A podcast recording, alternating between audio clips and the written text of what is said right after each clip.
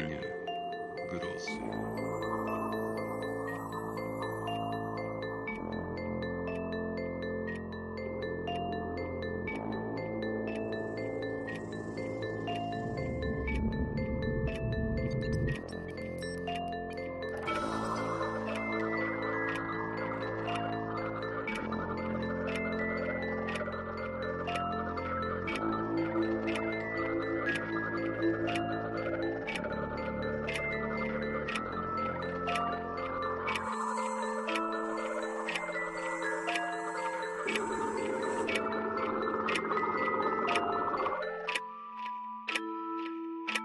Jakub Bielawski Ciemny dom pośród modrzewi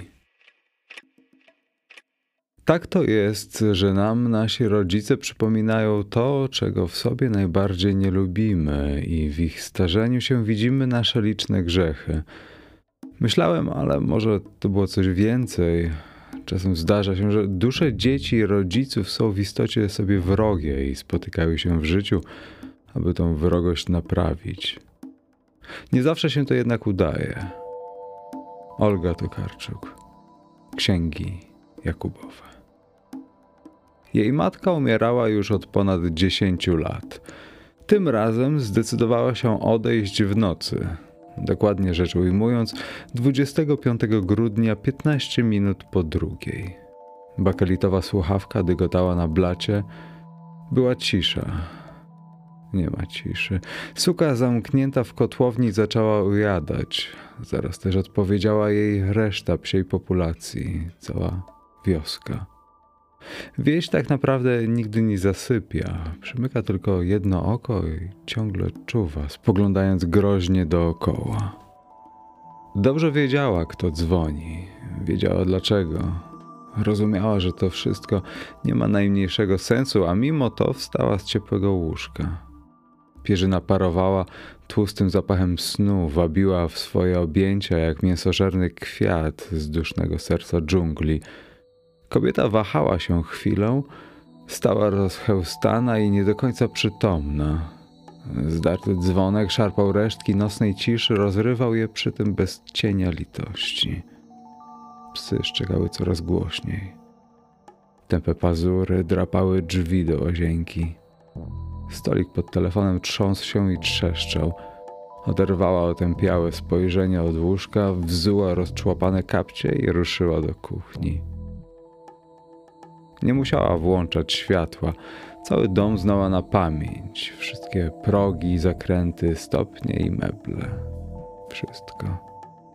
Próg trzy kroki, zamknięte drzwi po prawej dwa kroki, 11 stopni, wieszak na kurtki po prawej, korytarz do łazienki, próg, zydelek po prawej, a za nim blada zieleń aparatu. Złapała za telefon, wstrzymała oddech i podniosła słuchawkę. Ostatni dzwonek obumarł w pół taktu, a wraz z nim po raz kolejny umarła jej matka. Nigdy nie kochała swojej matki. Była też pewna, że z wzajemnością. Wstydziła się tej oziębłości, ukrywała ją pod płaszczykiem troski i zaangażowania.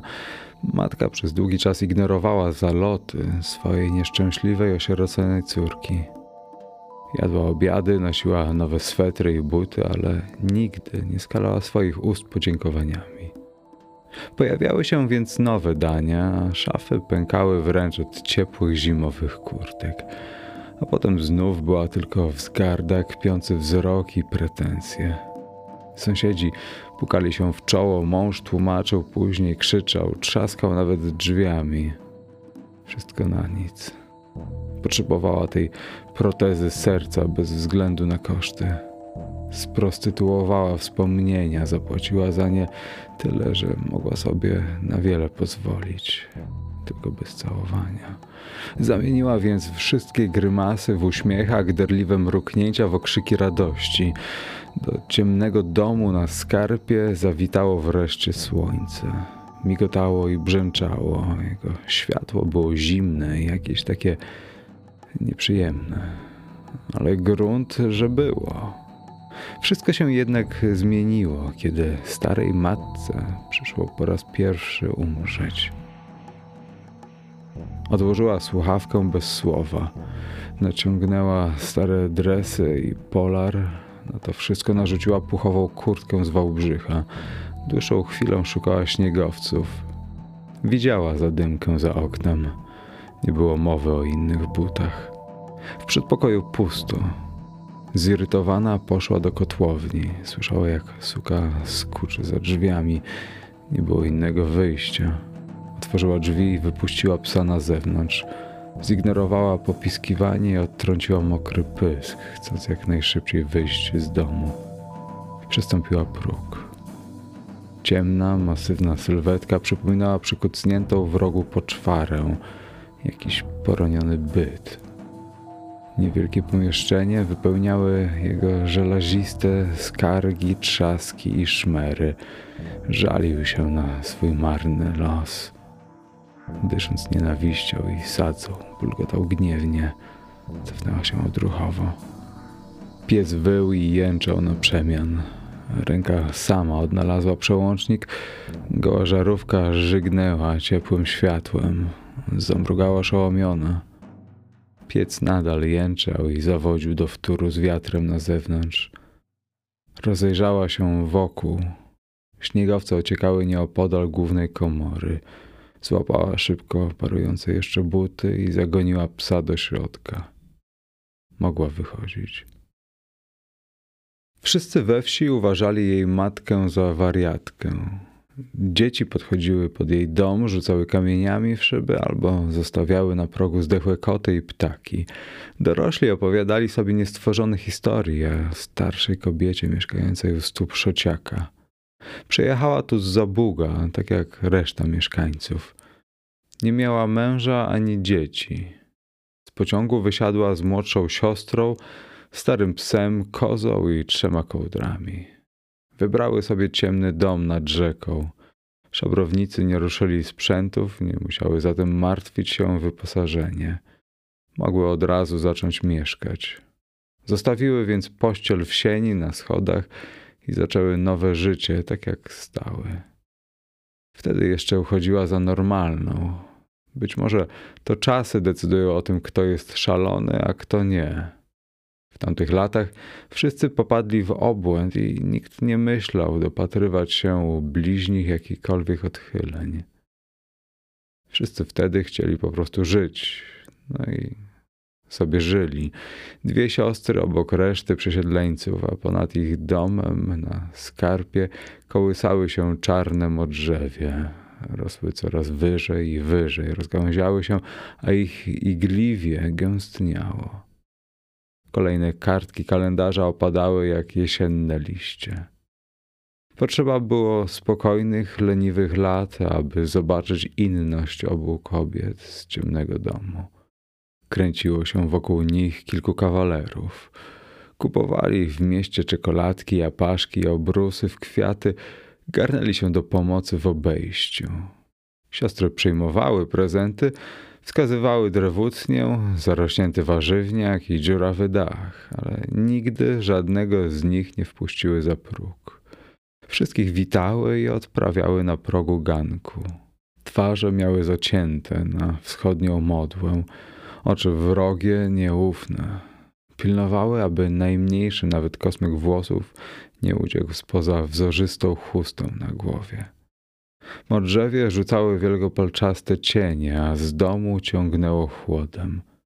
Zalotnicy jeden po drugim odchodzili sfrustrowani. Pili potem w gospodzie ludowej za rzeką, a kiedy już się upili, prowokowali bójki i awantury, aby w końcu zapomnieć, znaleźć sobie inną kobietę, ożenić się z nią, a czasem spłodzić dzieci. Dzieci spłodzone z żalu i odrzucenia dorastały, zaczynały chodzić i mówić, w końcu biegały z wrzaskiem po wsi, a w ciemnym domu nad rzeką nic się nie zmieniało. Gdyby ktokolwiek przekroczył próg, przeszedł przez ganek i sień, zobaczyłby trzy kołdry z pierza na schodach, a dalej pokoje, których nie dotknęła szabrownicza ani osiedleńcza dłoń. Ciężkie poniemieckie meble zarastały kurzem, grzbiety obcych książek blakły w nielicznych plamach słońca.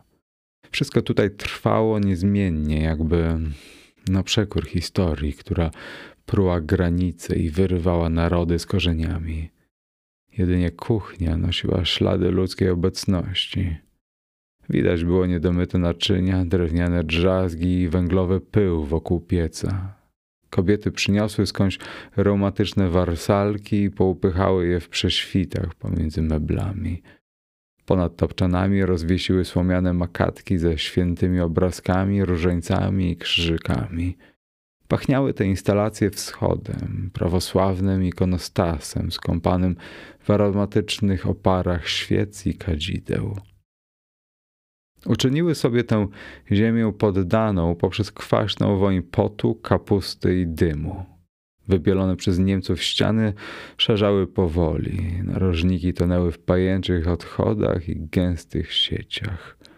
Pomiędzy ścianami niosło się mysie chrobotanie. To była ich swojska, zaburzańska enklawa pośrodku cmentarzyska germańskich cieni. Pozostawały jeszcze drzwi do komórki, małe i niepozorne, wciśnięte pomiędzy żeliwny pieca kredens pełen fajansowej porcelany. Zawsze zamknięte, otoczone nimbem ponurej jakby nabożnej ciszy. Wyglądało to, jakby w starej świątyni rozgościło się nowe, jeszcze niepewne swojej pozycji bóstwo – jakby nieliczni zdobywcy musieli dzielić się podbitym krajem z przeważającym żywiołem uciemiężonych. Zwykłe drzwi i wyświechtane obrazki na ścianie. Kobiety w swojej codziennej krzątaninie omijały te miejsca w odruchowy, naturalny wręcz sposób. Codzienność zdawała się nie mieć do nich dostępu Każde zejście w chłodne czeluści kamiennego podpiwniczenia wydawało się jakimś odległym, mitraistycznym rytuałem, którego wymowa i sens wymykały się ludzkiemu pojęciu. Podobnie było ze słomianymi ołtarzykami na ścianie. Modlitwą żegnano i witano sen, oddawano jej ciepło, układanych na stole posiłków, wszystkie żale i trudy życia znajdowały w niej swoje pocieszenie. Siostry wznosiły ponure spojrzenia w stronę brodatych mężczyzn o łagodnych twarzach, polecały swe życie pięknej kobiecie o czarnych jak piwniczny mrok włosach. Nikt jednak nie poznał tych tajemnic. Nikogo nie wpuszczono za próg. Kobiety wiodły swój żywot samotnie, obok, a może nawet wbrew sąsiadom. Ludzie mijali ich dom i zaczynali szeptać. Wszystko zaczyna się od szeptów. Szeptano coraz namiętniej, doszukiwano się sekretów i znaczeń w każdym geście, każdym spojrzeniu i pomruku. Repatrianci powoli zapuszczali korzenie w nowym miejscu. To wtedy nazwano po swojemu pobliskie wzgórze i rzekę. Pojawiły się pierwsze toponimy, a wraz z nimi zaczęły pączkować kwiaty uprzedzeń. Od wschodu wiał ostry wiatr. Ludzie słuchali jego podszeptów, przekazywali je dalej, ubierali w nie nowe legendy i przesądy. Korzenie potrzebowały tego metafizycznego nawozu, kiedy więc z pobliskich gór nadciągała czarna zima, długie grudniowe wieczory zaczęły dławić elektryczne żarówki, krewni i sąsiedzi zaludniali jaskinie po niemieckich domostw i opowiadali sobie straszne historie o dwóch obłąkanych siostrach i ciemnym domostwie na skarpie. Mróz na zewnątrz dławił, zabierał dech z piersi i rzucał go na pastwę ostrego wiatru. Ukryte pod śnieżnym całunem krzaki agrestu wyglądały jak wyżynające się z bladych dziąseł zęby olbrzyma. Kobieta kroczyła psią ścieżką przez niewielki sad w stronę wału. Tuż za rzeką czernił się dom jej matki. Do mostu było jednak daleko, trzeba było przejść spory kawałek, a potem wracać się po drugiej stronie zamarzającej strugi. Za wcześnie na spacery przez rzekę. Jeszcze dwa, może trzy dni takiego mrozu i będzie można chodzić. Teraz nie. Szła więc szczytem wału, rozgniatając pod stopami pojedyncze źdźbła skamieniałej trawy. Burę badyle ostrzegały przed zaspami. Wypatrywała więc tych martwych wibrysów i obchodziła podejrzane miejsca. Zmarznięty śnieg trzeszczał przy każdym kroku. Co kilkanaście kroków przystawała chuchając zziębnięte dłonie. Zawsze było jej zimno, niezależnie od rozpalonego pieca, elektrycznej farelki, czy też grubej pościeli. Marzła na kość. Dwie pary rękawiczek na niewiele się zdały. Tak po prawdzie to często chuchanie wzgrabiałe palce również. Drałowała przed siebie, a w uszach wciąż dźwięczało jej psie ujadanie. Przyspieszyła kroku. W starym kamieniołomie po drugiej stronie szosy koczowali cyganie. Jak co roku zjeżdżali się tam późnym latem i rozkładali swoje malowane wozy na tydzień albo dwa. Przychodzili do nich ludzie z okolicznych wsi, kupowali patelnie albo garnki, czasami jakieś leki dla zwierząt czy biżuterię. Kobiety chciały wróżby, a mężczyźni słodkiego wina z Węgier i opowieści. Nikt jednak nie chciał spędzać tam zbyt dużo czasu. Ot, załatwić swoje, pogadać chwilę, ponarzekać na władzę, a potem wracać szybko do domu, splunąwszy wcześniej przez lewe ramię. Pogardzano skrycie tymi wagabundami, bano się ich zazdroszczono im zarazem. Osiadli rolnicy, stateczni gospodarze albo rzutcy pracownicy PGR-ów, czyli podskórną niechęć do ludzi luźnych, których nic nigdzie nie mogło zatrzymać. Nie rozumieli takiego życia, nie ufali tym, którzy je wiedli – byli ciekawi nowin, egzotyki, jaką niosły kwieciste burty drewnianych wozów, ale w tej ciekawości przypominali bardziej dzieci słuchające strasznych opowieści z na zasłoniętymi uszami. Stali w rozkroku pomiędzy pożądaniem a odrazą, jak zawsze jednak wygrywał chłopski pragmatyzm i cierpliwa bezczynność. Cyganie pokręcili się po szociaku, pograli na skrzypkach i harmoszkach, Poszturchali się z miejscowymi, podupczyli i dali się wydupczyć, a później zawijali tabor i szli dalej, na północ do Wrocławia albo Legnicy. Uciekali przed zimą i górami, ale co rok wracali. Dwie siostry z ciemnego domu skrytego pośród modrzewi również chodziły na kamieniołom. Nie bały się jednak surowych twarzy mężczyzn o węglowych wąsach ani krzykliwych kobiet zakutanych w jaskrawe szale i chusty. Lubiły te długie, sierpniowe noce, skąpane w chybotliwym tańcu cieni rzucanych przez zgromadzonych wokół ognisk ludzi.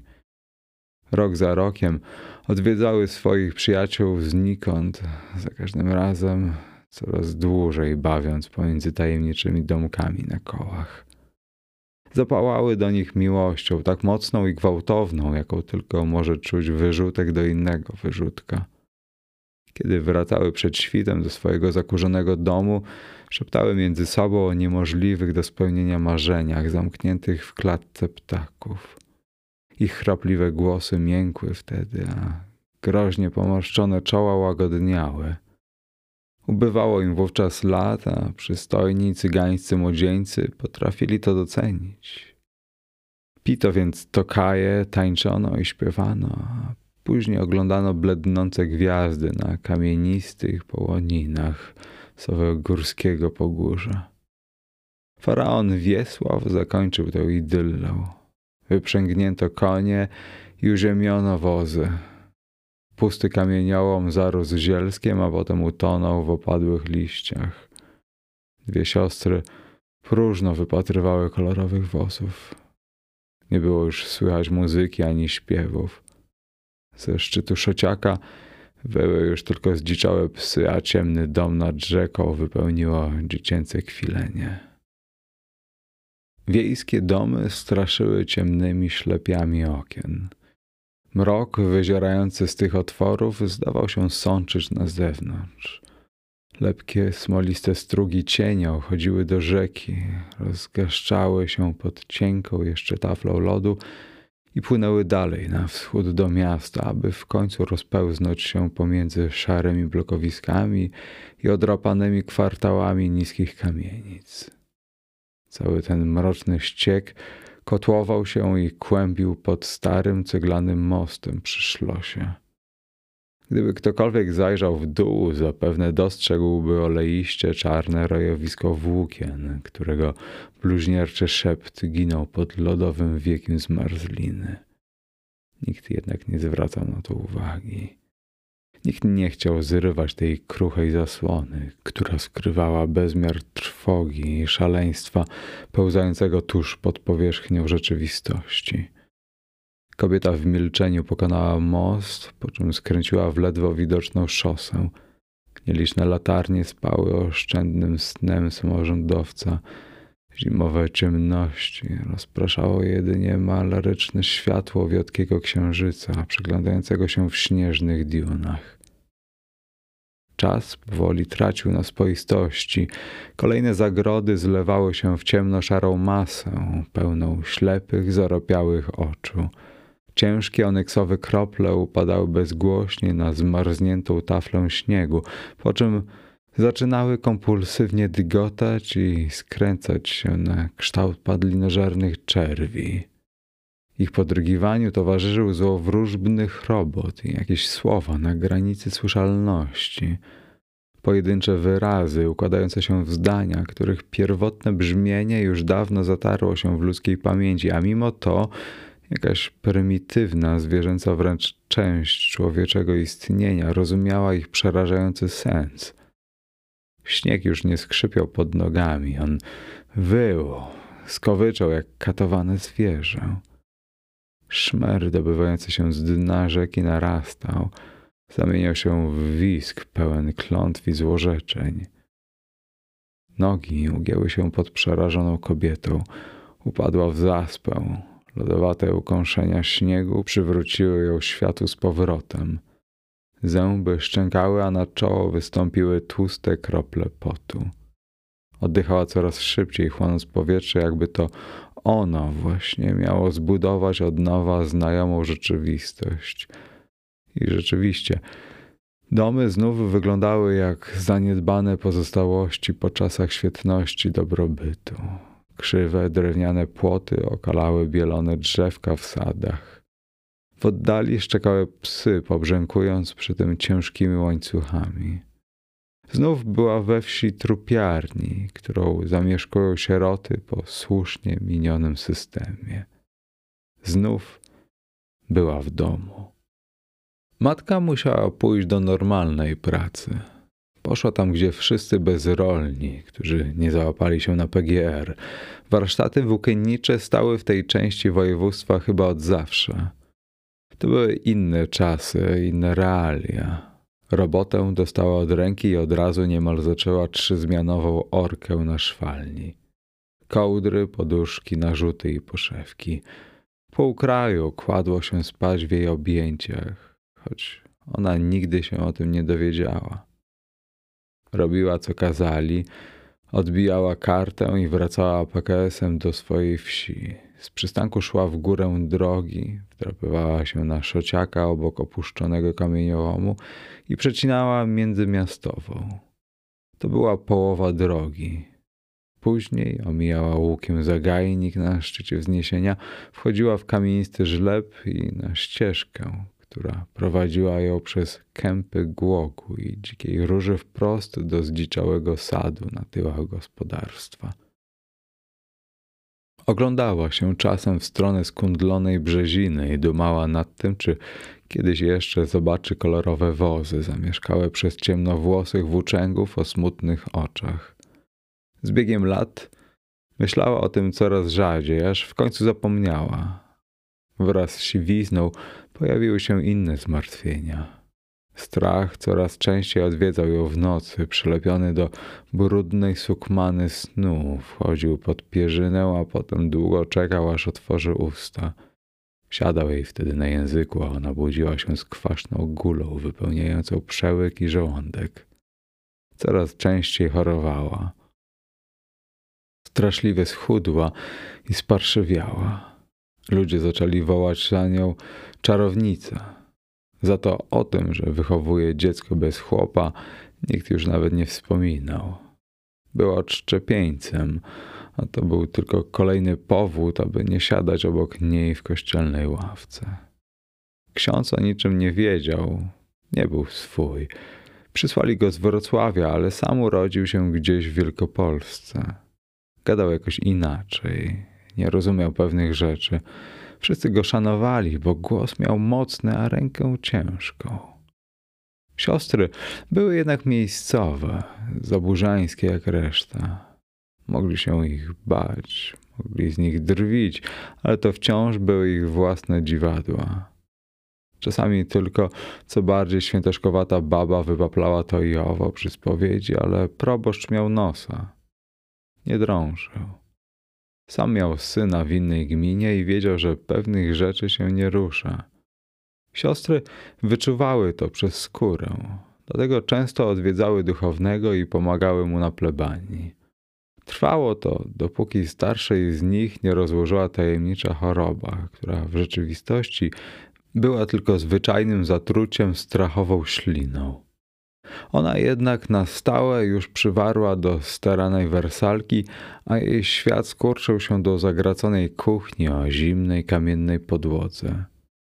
Siostra pomagała jej jak mogła, a gdzieś w tle pamiętała się dorastająca córka. Kontury domu odcinały się wyraźnie od rozjaśnionego księżycowym światłem nieba. Smolista czerni skarpy wyłożonej polnymi kamieniami płynnie przechodziła w wyrównane kontury ścian i stromego dachu. Gruzłowate łapy modrzewi rzucały pajęcze cienie na zaśnieżoną ulicą. Gładki welon nocnej materii psuło jedynie drobne, świetliste oczko kuchennej lampki. Matka pewnie klepała różaniec.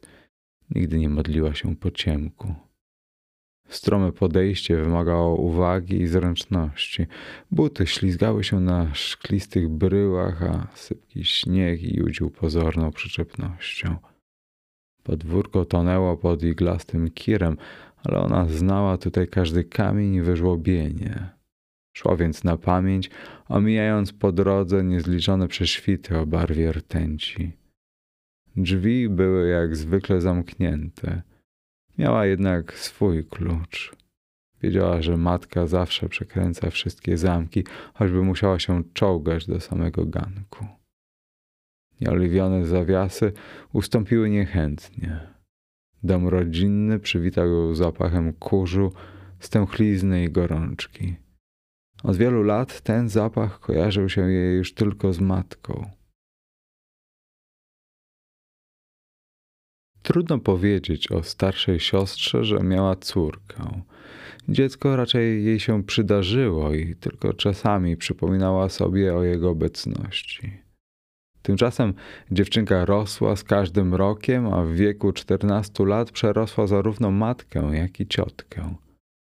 Większość kobiet w rodzinie była wysoka. Miały też wyraźnie zarysowane szczęki, a ich włosy rosły gęsto jak łowiec.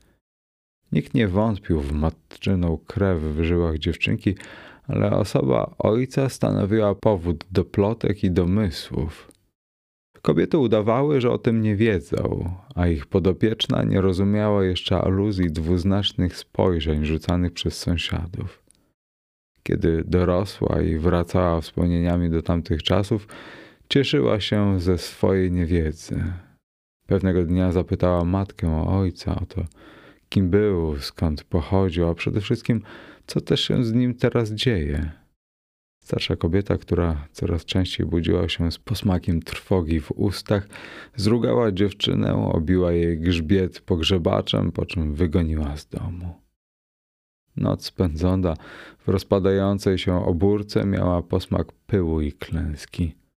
Temat ojca już nigdy nie stanął pomiędzy matką i córką. Ciotka starała się zastąpić swoją siostrę w roli piastunki. Opiekowała się dziewczynką, szyła jej ubranka, przygotowywała jedzenie, a nawet wysprzątała jeden z przykuchennych pokojów, na tyle, aby można w nim było zamieszkać. Nauczyła mało wszystkiego, co umiała. Pokazywała, jak działa świat, jak prowadzi się gospodarstwo oraz jak należy się modlić. Założyła jej własny ołtarzyk z szeleszczącą plecionką i nowymi obrazkami. Pouczyła ją również na temat drzwi do komórki, ale nie wyjaśniła nigdy, dlaczego nie wolno ich otwierać. Ucinała wszelkie dyskusje na ten temat, dusiła w zarodku dziecięcą ciekawość, tak jak topi się wiosną ślepe kocięta. To były nieliczne chwile, kiedy ciotka podnosiła głos i marszczyła brwi. Zazwyczaj bowiem mówiła spokojnie, a jej twarz wyrażała raczej smutek niż niechęć. Drzwi pozostawały jednak zamknięte na klucz. Słowa słowami, ale ciotka wiedziała, że dziecięcej ciekawości nie sposób powstrzymać samymi zakazami i groźbami. Pomimo tej całej troski, dziewczyna wciąż pragnęła matczynej miłości. Ciotka zaś patrzyła na swoją siostrę ze smutkiem i politowaniem. Być może wiedziała o nocnych wizytach oraz o tym, co miało po nich nadejść. Dom bez ciotki zanurzał się powoli w odmętach niepamięci. Pokrzywiona jak stara wierzba matka wydeptała kilka ścieżek w lepkim dywanie kurzu, a każdy krok poza tymi szlakami kończył się erupcją stęchlizny i martwych wspomnień. Ciemność zamieszkała tu na stałe. Rozgościła się pod sufitem, anektowała kąty i meble. Wydawała się nienasycona w swym łakomstwie. Pożartą przestrzeń zastąpiła efemerycznymi kształtami, których próżno było szukać we wspomnieniach. Mroczny dom zaczął się przepoczwarzać. Ostatnim bastionem dawnego świata była kuchnia, skąpana w strachliwym świetle wiekowej żarówki. Droga do kuchni wiodła przez szeroką sień, z której można było też wejść do dawnej jadalni lub łazienki. Kobieta zawahała się na chwilę. Nie miała ochoty widzieć się z matką i wysłuchiwać jej urojonych objawów i wyrzutów.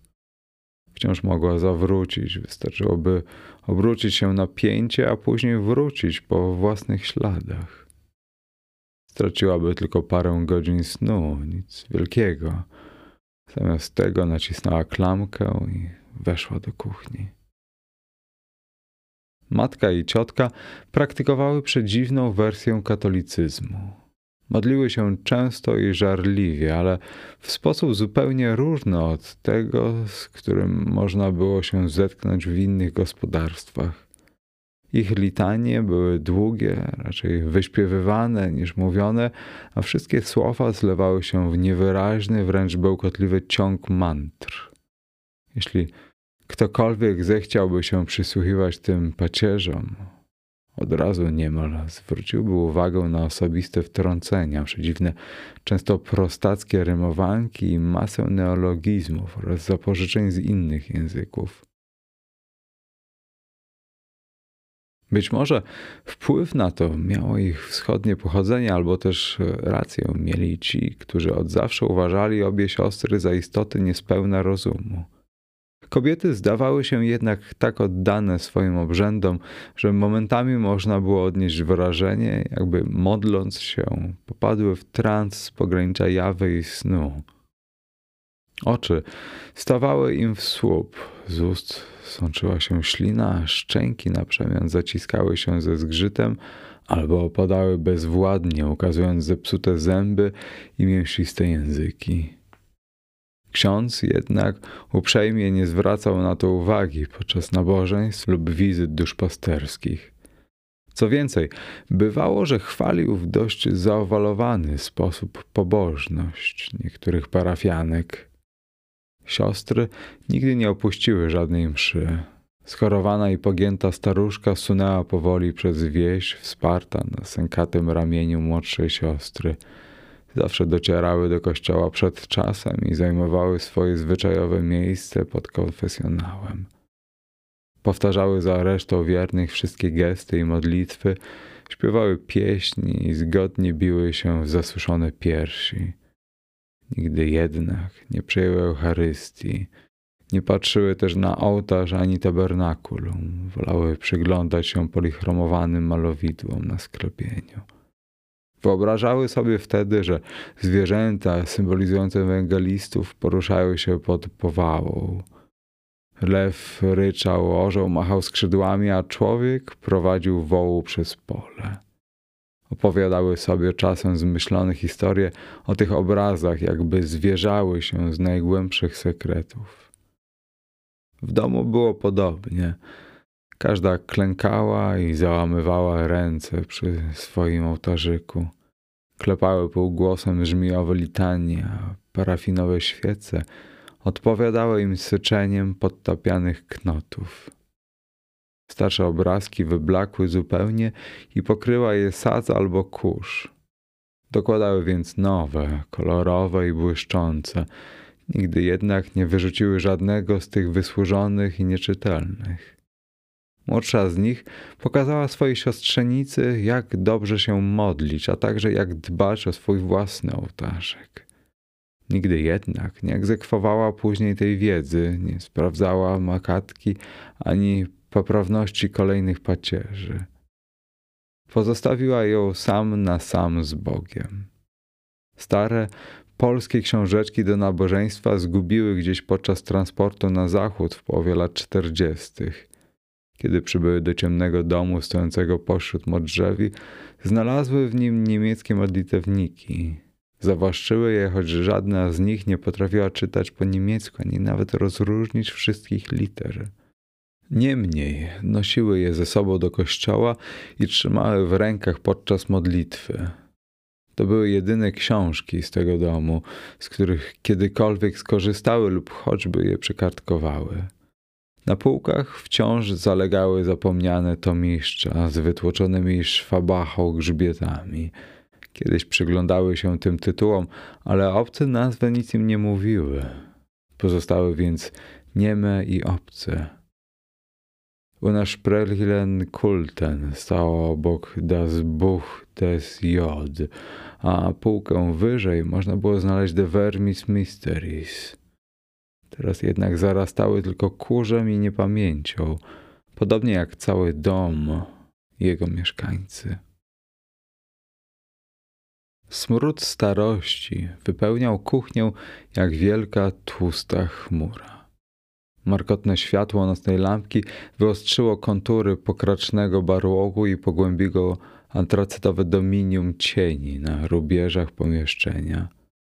Matka, zakutana w pożółkłą i poplamioną pierzynę, kiwała ekstatycznie głową, a jej palce pieściły drewniane łezki nanizane na zaśniedziały łańcuszek. Rytmiczny, gorączkowy szept odbijał się od powały i kamiennej podłogi, po czym ginął pomiędzy zagraconymi kątami tonącymi w mroku. Staruszka nie zauważyła obecności swojej córki, albo też uparcie ją ignorowała. Niekończąca się mantra uderzała w uszy młodszej z kobiet raz za razem, jak powracająca wciąż fala wypukiwała myśli i wspomnienia. Pozostawało jedynie to bełkotliwe, niekończące się słowo, które wznosiło się i opadało jak monstrualny las polipów na dnie potwornego oceanu wypełnionego czarną, oleistą watą. Nieprzytomne oczy zapomnianej córki ślizgały się bez celu po dręczonych meblach. Matka wydawała się jednym z nich, kolejna kupa szmat i przykrych wspomnień. Nie różniła się specjalnie od opuszczonego na wieczność łóżka ciotki stojącego w przeciwległym rogu kuchni. Entropia, upasiona odstręczającym trybem życia, podstarzałych sióstr w końcu zerwała się ze smyczy i zaczęła pożerać kolejne fragmenty ich rzeczywistości. Cieniste odchody pokrywały zapomniane sprzęty, których tożsamość bezpowrotnie zaginęła w spienionych odmętach rozkładu. Ciemny dom, skryty pośród rozrośniętych modrzewi, wydawał właśnie swoje ostatnie spazmatyczne tchnienia, wraz z nim odchodziła ostatnia z dziwnych sióstr przybyłych z Zabuga. W końcu udało jej się przemóc marazm. Chwiejnym krokiem podeszła w stronę światła i przykucnęła wezgłowia łóżka. Matka przestała recytować, chrząknęła, przełykając zalegającą flegmę, po czym uniosła ciężkie od samotności powieki. Wodniste, złośliwe oczka wpatrywały się w córkę z niezrozumieniem i strachem. Staruszka mrugała powoli, jak wyziębiony gad. Zmarszczyła rozrośnięte brwi, zamruczała, a na jej usta powoli spływał uśmiech zrozumienia. Młodsza z kobiet znała ten proces, widziała go już dziesiątki razy. Nie obruszała się, czekała i pozwalała matce odnaleźć w postrzępionej pamięci odpowiednie nici i ścieki. Ona tymczasem zerkała ponad ramieniem staruszki, zauważyła coś dziwnego na brudnej ścianie. Wytężyła wzrok i w słabym świetle dostrzegła pierwsze kreski i łuki, które powoli układały się w ciąg niezgrabnie zapisanych liter. Rozpoznawała pojedyncze słowa, czasami nawet zdania – Szukała początku, ale nierówne wersy ginęły poza granicami żółtawego światła. Matka zaczęła gniewnie mruczyć, oderwała więc spojrzenie od ściany i zwróciła się w stronę staruszki. Zabłąkana myśl uleciała w niebyt, a wraz z nią niejasne przeczucie, że ta interwencja może różnić się od poprzednich wezwań. Młodsza z sióstr umarła jakąś godzinę przed południem. Niosła właśnie kankę mleka z komórki i nagle upadła na kamienną podłogę. Biel zmieszała się z czerwienią, a brudna, różawawa struga spłynęła zakurzonymi żlebami rowków i ubytków w głąb domu. Ciemny dom nie przyjął jednak ofiary z życia i mleka. Zamiast tego popadł w jeszcze większe zapomnienie, a tłusta entropia zaczęła głośno ujadać z ciemnych zakamarków. Schorowana staruszka odprowadziła siostrę na parafialny cmentarz, opłaciła księdza i grabarzy, a potem zaszyła się w poniemieckich pierzynach na wiele tygodni. Dopiero letnie słońce wygnało ją z dusznej kuchni, ale już nigdy nie miała wyjść o własnych siłach, poza próg ciemnego domu. Stała czasami na ganku i grzała stare kości w rzadkich promieniach przebijających się przez modrzewiowy woal. Podwórko zarastało zielskiem, a sad zdziczał bez reszty. Gospodarstwo niszczało w oczach. Dachówki odpadały jak jesienne liście, a tynk złaził ze ścian całymi płatami. Deszcze przyciskały się coraz częściej przez nieszczelne okna. Gdyby nie pomoc zgardzonej córki, najpewniej zabrałyby ją żywioły. Dzieci zrodzone z żalu i odrzucenia już dawno dorosły. Dorobiły się nawet własnego potomstwa, które zaczęło od nowa stwarzać otaczającą je rzeczywistość. Co śmielsze wyrostki zapuszczały się w okolice ciemnego domu, ukrytego w cieniu sękatych modrzewi, wybijały kamieniami szyby, właziły na dach walącej się obory albo pukały w drzwi, po czym ze śmiechem uciekały w krzaki. Pewnego razu natknęły się na pokraczną staruchę stojącą na ganku. Część z nich uciekła, wrzeszcząc przy tym i potykając się na zdradliwych korzeniach. Jeden wyrostek został na miejscu, zbyt wystraszony, a może po prostu ciekawski. Wpatrywał się w złą twarz kobiety i ani myślał się wycofać. Staruszka wezwała go do siebie ruchem opuchniętego nadgarstka. Wahał się przez chwilę, ale w końcu ruszył w jej stronę. Opowiadał później kolegom, że wcale się nie bał, ale prawda była jak zwykle inna. Kolana mu dygotały, a serce pompowało w szaleńczym rytmie czerwoną krew opitą adrenaliną. Zatrzymał się kilka kroków przed wejściem do domu, czekał i obserwował ruchy staruszki. Ta sięgnęła do kieszeni fartucha, po czym wygrzebała z niego kilka monet. Wyciągnęła je na drżącej dłoni w stronę chłopaka. Chwilę się zastanawiał, ale w końcu skrócił dystans i sięgnął po pieniądze. Kobieta zacisnęła krogulczą pięść i uśmiechnęła się przy tym jadowicie. Powiedziała mu, co ma zrobić, a on tylko kiwnął głową i usiadł na zmurszałej ławce pod jednym z okien. Staruszka zniknęła w domu i kilkanaście minut później wróciła na ganek, niosąc zaklejoną kopertę. Dała ją dzieciakowi razem z garścią brzęczącego bilonu. Młody pobiegł w dół skarpy i zniknął za rogiem domu. Staruszka odprowadziła go wzrokiem, po czym zamknęła skrzypiące drzwi i przekręciła wszystkie zamki. Ksiądz długo wpatrywał się w nierówne pajęcze litery listu. Przeczytał go parę razy, ale nadal nie potrafił wyrobić sobie zdania na jego temat. Teolog był z niego raczej marny, sam też czuł się bardziej gospodarzem lub plebanem niż uczonym w piśmie. Wemnił palcami w paździerzowe biurko i zerkał co chwilę na umorsonego chłopaka.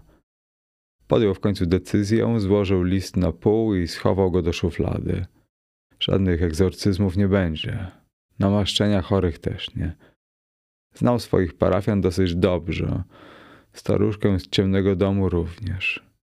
Jej córka żaliła mu się na stan matki. Opowiadała o ostatnich ekscesach z pogotowiem i ciągłym umieraniem. Lubił myśleć o sobie jako o znawcy ludzkich dusz i umysłów. W dziwnej prośbie staruszki dopatrywał się raczej początków starczej demencji niż działania sił nieczystych. Postanowił jednak uspokoić starą parafiankę. Nakazał chłopakowi uprzedzić kobietę o rychłej wizycie duszpasterskiej. Zamierzał jej zanieść pokrzepienie i pocieszenie. Tego jego zdaniem potrzebowała najbardziej. Zadowolony z siebie, odprawił dzieciaka z kancelarii i wrócił do przerwanego pasjansa. Staruszka kazała na siebie długo czekać. Proboszcz zdążył już się zirytować, kiedy w końcu usłyszał szczęk rygli, a za drzwi wyjrzała odpychająca twarz ponurej kobiety. Bez słowa odsunęła się w głąb ganku i gestem zaprosiła gościa do środka. Ksiądz taktownie udawał, że nie czuje przykrego zapachu, nie zmarszczył nawet nosa, ani się nie skrzywił. Wspaniałomyślnie zignorował tumany kurzu zalegający grubym kożuchem na podłodze. Podziękował za taboret i usiadł na samym brzegu lepkiego stołka. Wpatrywał się w gospodynię w milczeniu. Ona zaś mościła się w stogu pierzyn i koców, za nic mając sobie obecność proboszcza. Nie zaproponowała mu nawet nic do picia. Po prostu ułożyła się wygodnie i patrzyła ponuro na czerstwą twarz duchownego.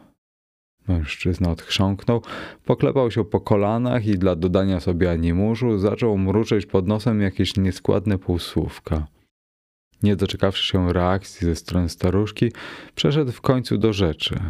Wypytał ją o stan zdrowia, samopoczucie i ewentualne potrzeby, same lśniące i tłuszczutkie komunały. Cisza zmroziła księdza, odkaszlnął zdenerwowany. Doświadczenie podpowiadało mu inny przebieg tego typu rozmów. Wiedział, że ta konkretna parafianka jest inna i zapewne wiąże się to z odmiennymi potrzebami. Tym niemniej, pewne rzeczy wydawały mu się na stałe przypisane do ludzkiej natury. Zaczął jeszcze raz spokojniej, mówił też głośniej. Zniżył głos, a nawet uśmiechnął się przyjaźnie. Znów jednak odbił się od lodowatej ściany ciszy. Poprawił koloratkę, zabrał się w sobie i odrzucił konwenansę. Zapytał o list, o te egzorcyzmy i paniczny strach przed siłą nieczystą. Chciał wiedzieć, skąd się to wzięło i na Boga. Dlaczego staruszka myśli, że może być opętana? Głos kobiety brzmiał niczym jęk pękających na wietrze drzew. Cedziła słowa ostrożnie, mechanicznie wręcz. Powiedziała, że pewnie była w szoku po śmierci siostry i nie mogła sobie z tym poradzić. Teraz miało już być lepiej, powoli wracała do zdrowia, a wszystko w końcu powinno się ułożyć. Ksiądz udawał chwilę, że taka odpowiedź go nie zadowala, że musi wiedzieć, jaki był prawdziwy powód tego zamieszania. W głębi duszy jednak cieszył się z takiego obrotu sprawy. Nie chciało mu się babrać w pismach do kurii, Wolał sielskie życie wiejskiego plebana, po to zresztą wnioskował przeniesienie na tę zapadłą dolnośląską prowincję. Staruszka wydobyła z pierzastej czeluści dziecięcy zeszyt w kratkę i pogryziony długopis marki Big. Nie mówiła już nic. Pisała tylko zamaszyście, wpatrując się mętnymi oczyma w kartkę. Wyrwała strony ze środka i wręczyła proboszczowi. Równie staranne litery układały się w krótkie i treściwe oświadczenie na temat poczytalności kobiety. Żadne egzorcyzmy nie były potrzebne. Wystarczy czas i święty spokój. Ksiądz podniósł się ciężko z trzeszącego stołka i pożegnał parafiankę znakiem krzyża. Sprawa była dla niego zamknięta. Staruszka nie przestała jednak pisać tych dziwnych wezwań i próśb o egzorcyzmy. Średnio raz lub nawet dwa razy w miesiącu przysyłała chłopaka z nagryzmolonym niewprawną ręką listem. Ksiądz kiwał głową, uspokajał, a wszystkie koperty chował w szufladzie, po czym wyrzucał je z pamięci. Pozwalał, aby paniczne słowa wybrzmiały w dusznym mroku kancelaryjnego schowka, aby wyblakły tusz stracił rezon i w końcu zapomniał o swoim zadaniu. Powierzył sprawę Bożej opatrzności i dobroczynnemu działaniu czasu. Rozmowa z córką staruszki tylko utwierdziła go w tym postanowieniu. Wielokrotnie wzywana karetka przestała już przyjeżdżać pod ciemny dom stojący pośród rozrośniętych modrzewi, tylko ta nieszczęsna kobiecina cały czas jak pies odwiedzała swoją zwariowaną matkę na każde wezwanie. Doświadczenie proboszcza podpowiadało mu jednak, że pewne rzeczy należy pozostawić samym sobie. Ludzie na starość tracą zmysły, a później umierają. Podczas pogrzebów widział czasami ból i tęsknotę na twarzach dorosłych dzieci wymieszane z ledwo skrywaną ulgą. Bóg dał, Bóg wziął. Tak zawsze powtarzał i wierzył głęboko, że pogrążeni w żałobie wierni odnajdą w tych słowach pocieszenie, a może i rozgrzeszenie. Matka łukała bezgłośnie. Patrzyła na nią tymi swoimi wyblakłymi oczami, a po wyschniętych policzkach ciekły jej łzy. Opuchnięte w stawach palce wypuściły wężowe sploty różańca, który natychmiast utonął w przepoconej kipieli pierzyn. Staruszka chwyciła kurtkę córki i zaczęła ją szarpać, ciągnąć jak głodne dziecko albo domagający się uwagi pies. Kobieta zamiast litości poczuła pogardę. Po raz pierwszy w życiu oblekła w słowa żale, których nigdy wcześniej nie śmiałaby nawet sobie uzmysłowić. Przypomniała sobie swoje własne zniszczone małżeństwo i męża, który nie mógł znieść ciągłych telefonów, pretensji i wymówek.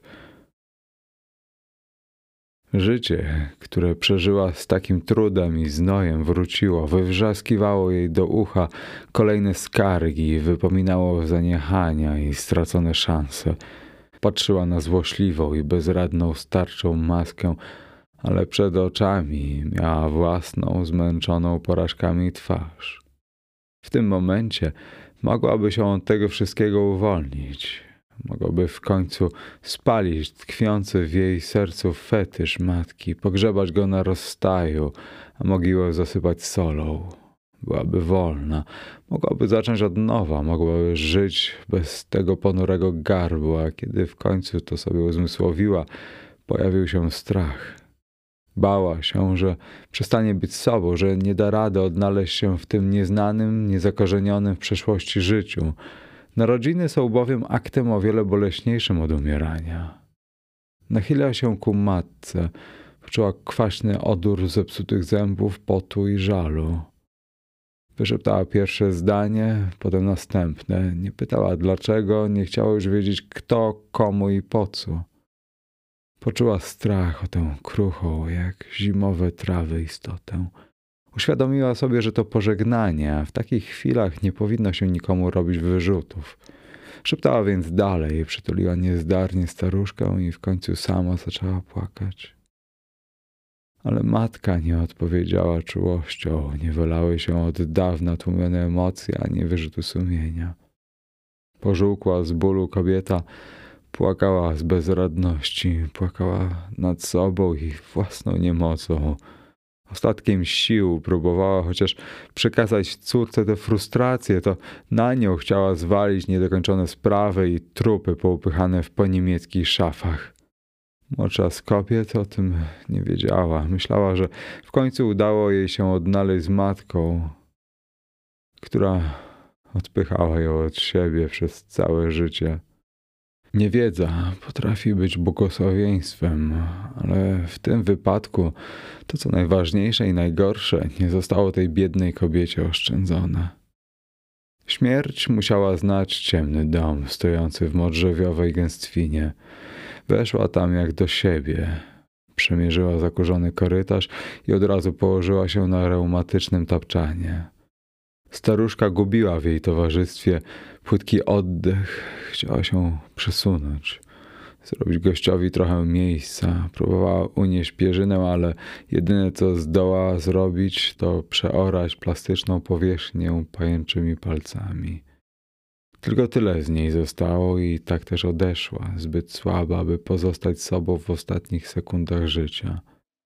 Córka nie zauważyła tej wizyty, w pewnym momencie zdała sobie po prostu sprawę z ostatecznej nieobecności matki.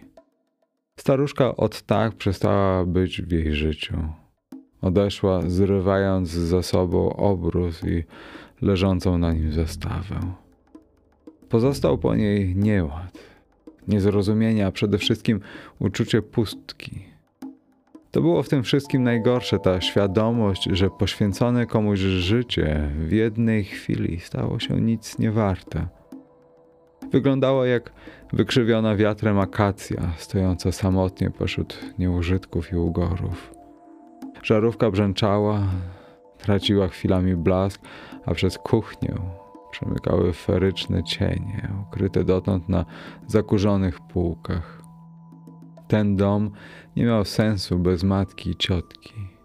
Nie powinien istnieć w świecie, w którym zabrakło tych dwóch posępnych kobiet, a mimo to stał niewzruszony. Nie zapadł się pod ziemię, nie pochłonęła go wezbrana gwałtownie rzeka, nie rozszalały ogień. Nic z tych rzeczy. Świat od zawsze był obojętny na ludzkie krzywdy i żale. Obracał się zgodnie z własną wolą, stawał się kulą albo dyskiem, czasami nawet postanawiał w ogóle nie istnieć. A to jego święte prawo. Człowiek woli jednak o tym nie pamiętać. Wmawia sobie siłę sprawczą, wolę istnienia, która miałaby definiować jego własny byt oraz wszystkie byty satelickie. Ze smutku lęgną się takie myśli, wygrzewają się w ludzkim cierpieniu, a w końcu wypełzają na świat, zatruwając wszystkie istoty zdolne do mówienia. Kobieta cierpiała bezgłośnie, kurczyła tylko ramiona i zaciskała bezradnie pięści. Toczyła błędnym wzrokiem po zagraconym pomieszczeniu. W końcu jej spojrzenie padło na pobliską ścianę. Przypomniała sobie o pokrasznych literach i zaczęła szukać początku tej dziwnej inskrypcji. Dopadła do lampki, sprawdziła długość kabla i zaczęła lustrować postacie poszerzałej ściany. Odnalazła wreszcie pierwsze słowo. W niepewnym świetle starej żarówki odcyfrowywała kolejne sylaby, słowa i zdania.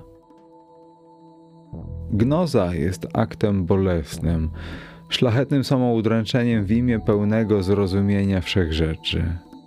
Musi być decyzją dobrowolną i samodzielną. Dostąpienie jej wbrew sobie jest gwałtem na samej istocie ludzkiego jestestwa.